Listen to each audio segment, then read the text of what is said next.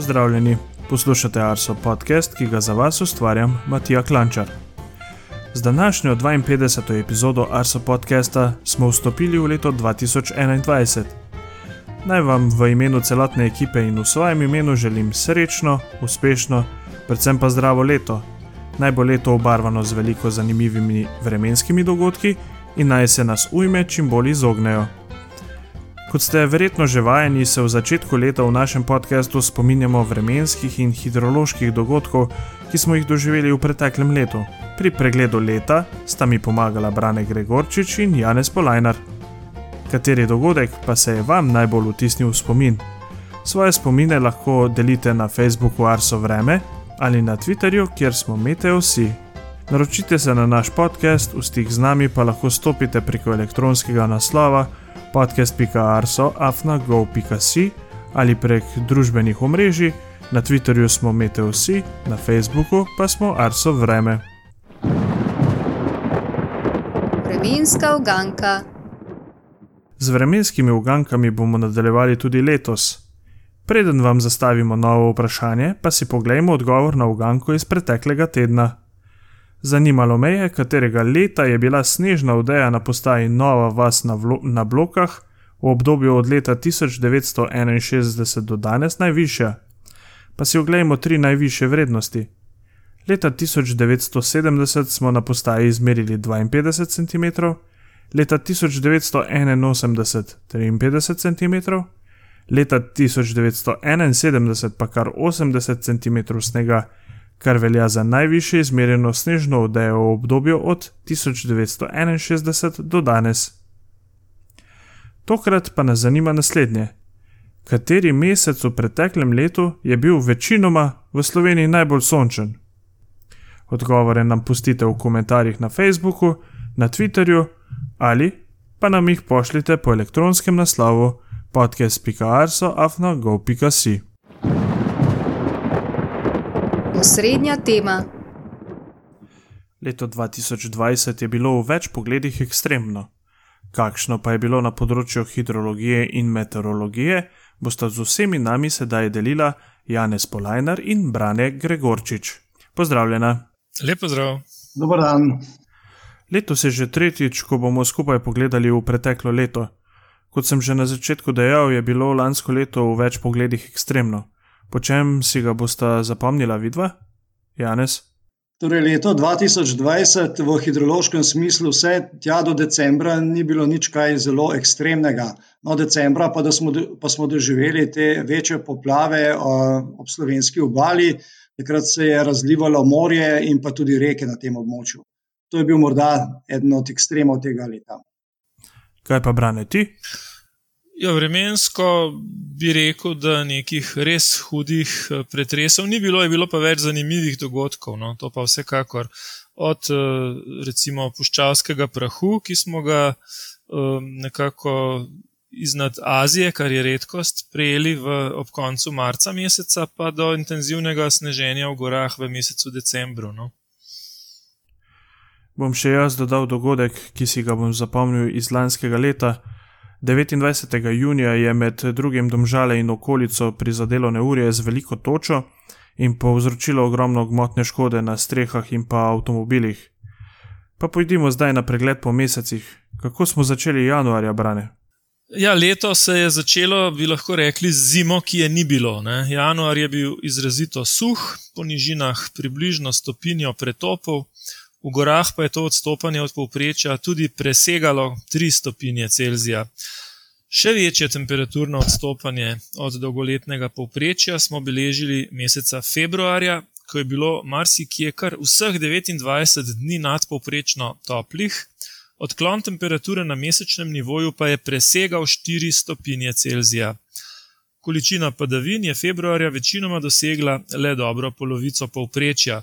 Dvakrat smo v februarju beležili tudi viharni veter, enkrat je šlo za močan veter severnih smeri, drugič pa za močan jugozahodnik.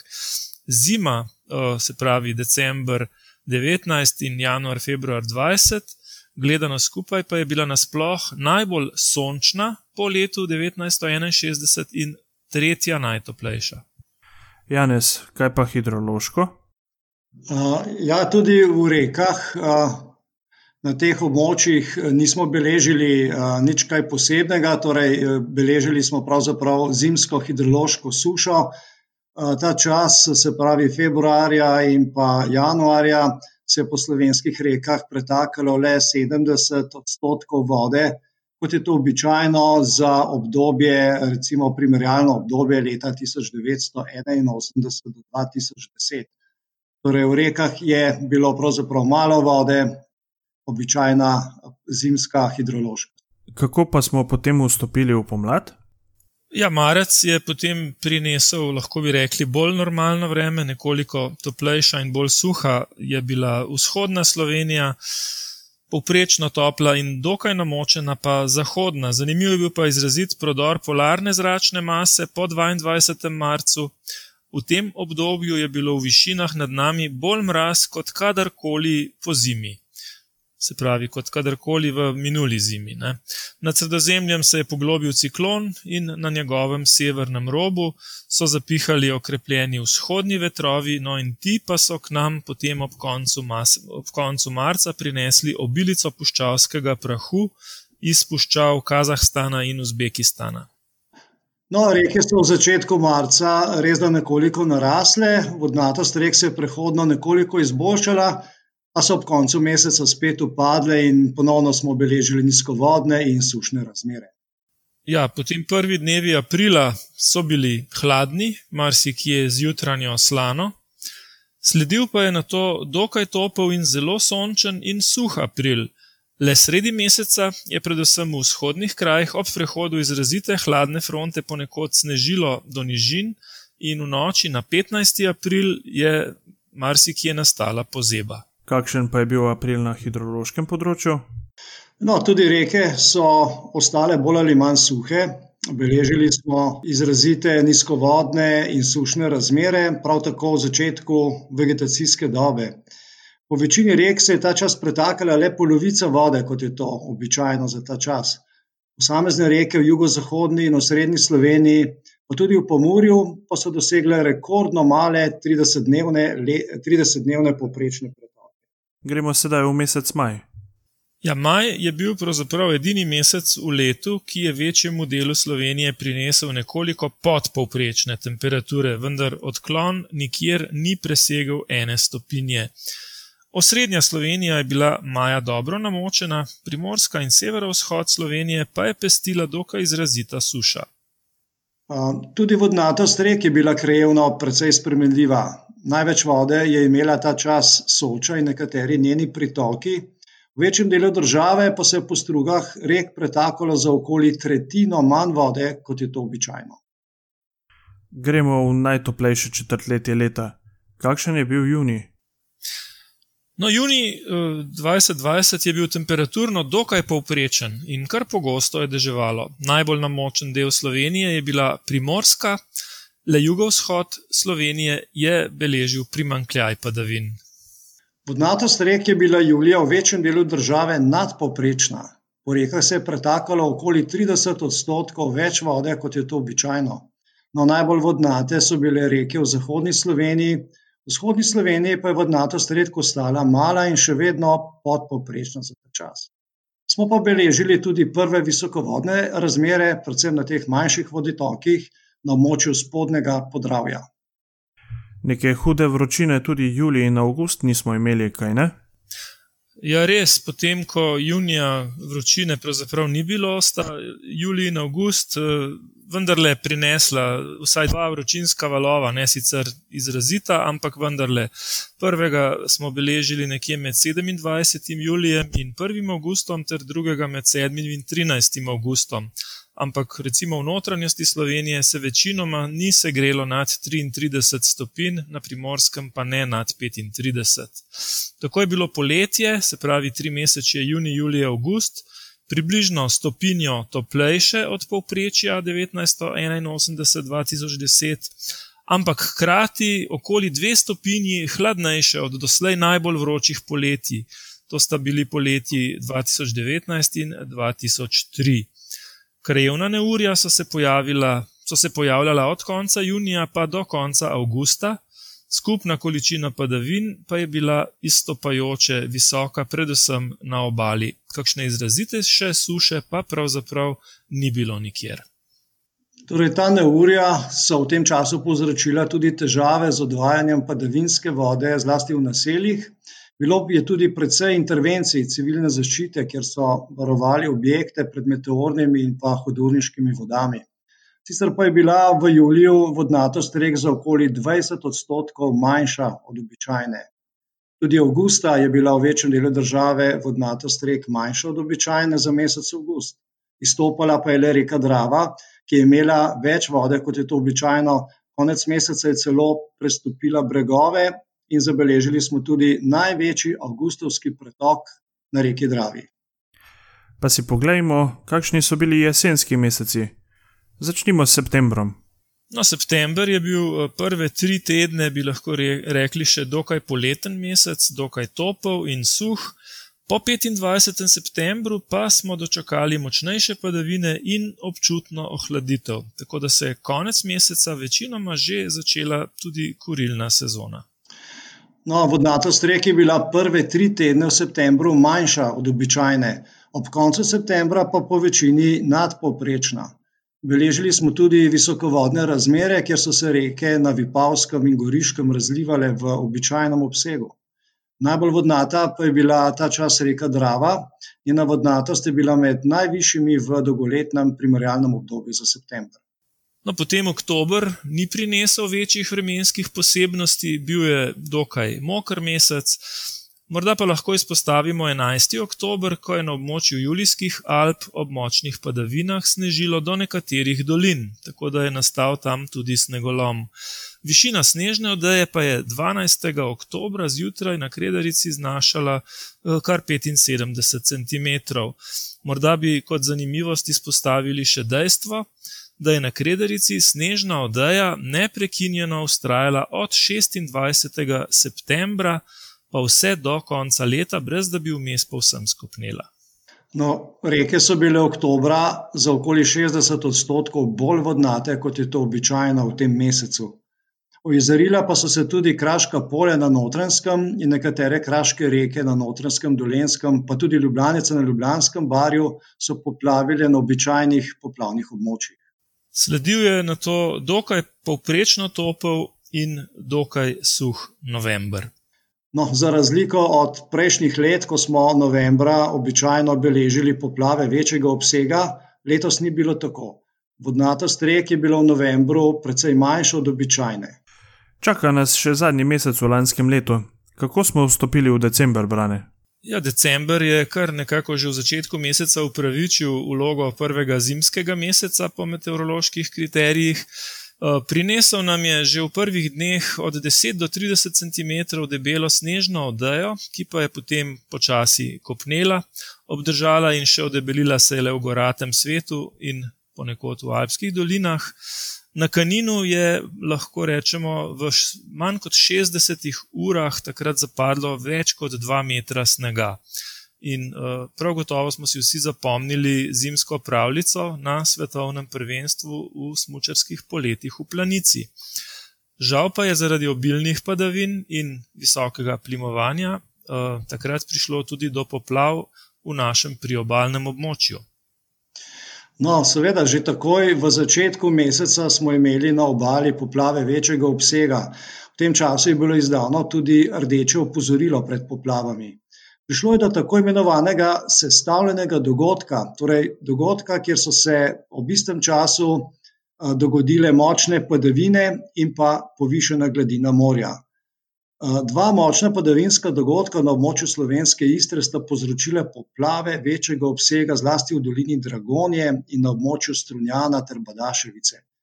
Odtekanje te vode v morje pa je ta čas ovirala tudi visoka gladina morja, ki je v istem času poplavilo niže dele obale.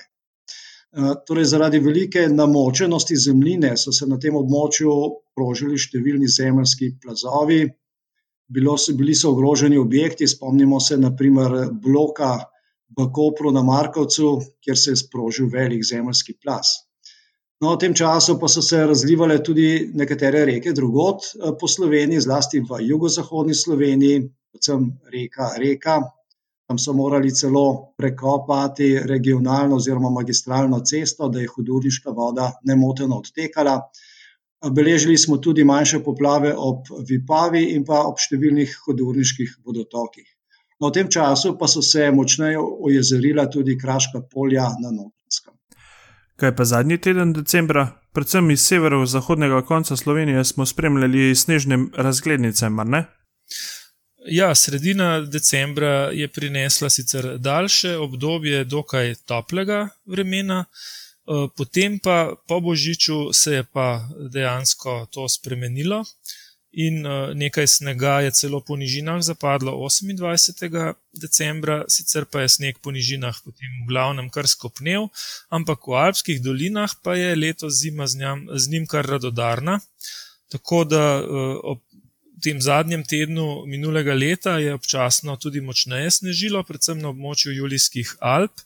In ob koncu leta je bila snežna oddaja v Buhinju debela približno pol metra, v Radovni, Krmi, Kotu, Vratih in Planici okoli en meter. Eh, v gorah, se pravi na večjih višinah, pa je bilo ob prehodu v novo leto marsikje tudi meter in pol ali celo dva metra in več snega, in snežna odeja se je takoj po novem letu še dodatno odebelila.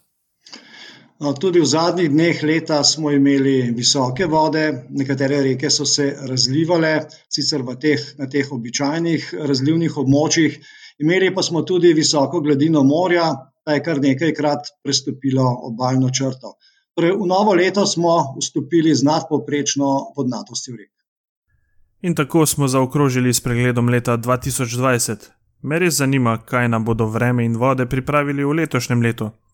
Najlepša hvala obema za ta pregled in se veselim nadaljnega sodelovanja.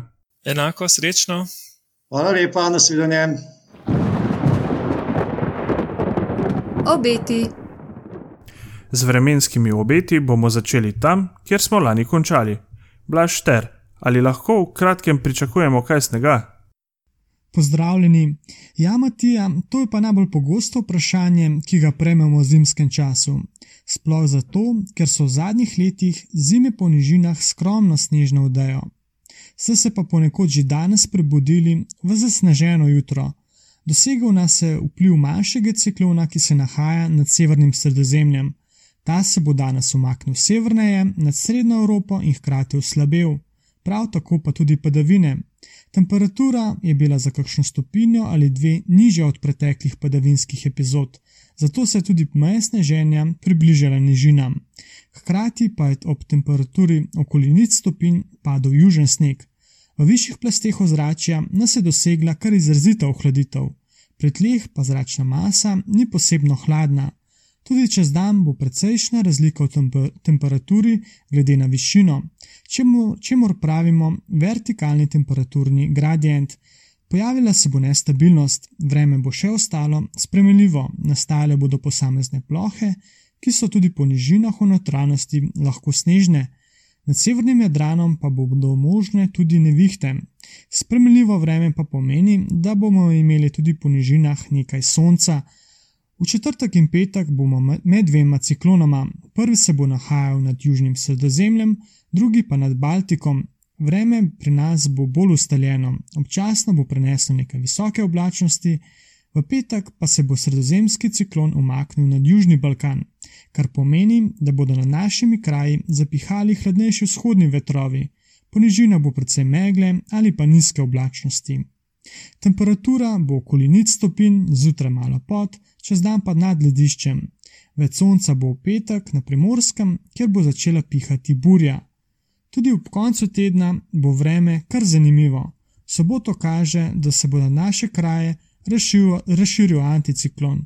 Ta, bi, ta bo prinesel bolj suho zračno maso, več oblačnosti pričakujemo na jugu Slovenije.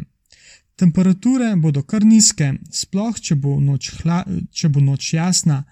Ohladilo se bodo okoli minus 4 stopinje, lokalno pa lahko tudi niže. Čez dan pa se bo vreme začelo spreminjati, prišli bomo pod vpliv ciklona, ki bo obral dokaj neobičajno pot. Ta se bo namreč pomaknil iz Natazorskega otočja proti Iberskemu polotoku in v sredozemlje. Njegova pot je trenutno še negotova, bo pa odločilna za vremenski razplet v soboto in nedeljo. Če ciklon ubere bolj severno varianto, bliže našim krajem, bo imeli tudi pri nas kar nekaj padavin. Ker bodo pri tleh vztrajali hladni vzhodni vetrovi, bo tudi po nižinah snežilo. O pomiku ciklona južneje pa bo glavnina padavin nad osrednjim Balkanom, pri nas pa bo padlo bore malo snega. Na primorskem bo v obeh primerih pihala burja. Bolj gotovo bo nadaljevanje vremena prihodnji teden, kaže na stabilno in umirjeno vreme. Razmeroma hladno bo, sploh če bomo imeli tudi po nižinah snežno vdajo. Predvsej verjetno je, da pričakamo tudi kakšen sončen dan. Lep pozdrav!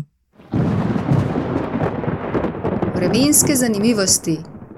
V vremenskih zanimivostih bomo tokrat pregledali ekstremne vrednosti celotnega leta.